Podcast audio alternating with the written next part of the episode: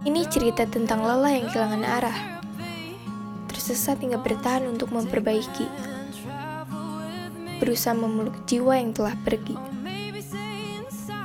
Bertahan dan berdamai dengan pikiran yang sudah mati. Namun melawan keraguan yang tak terhenti. Terlepas lelah yang berujung pilu. Melawan amarah yang selalu kembali hingga memijakan kaki untuk berjalan sendiri.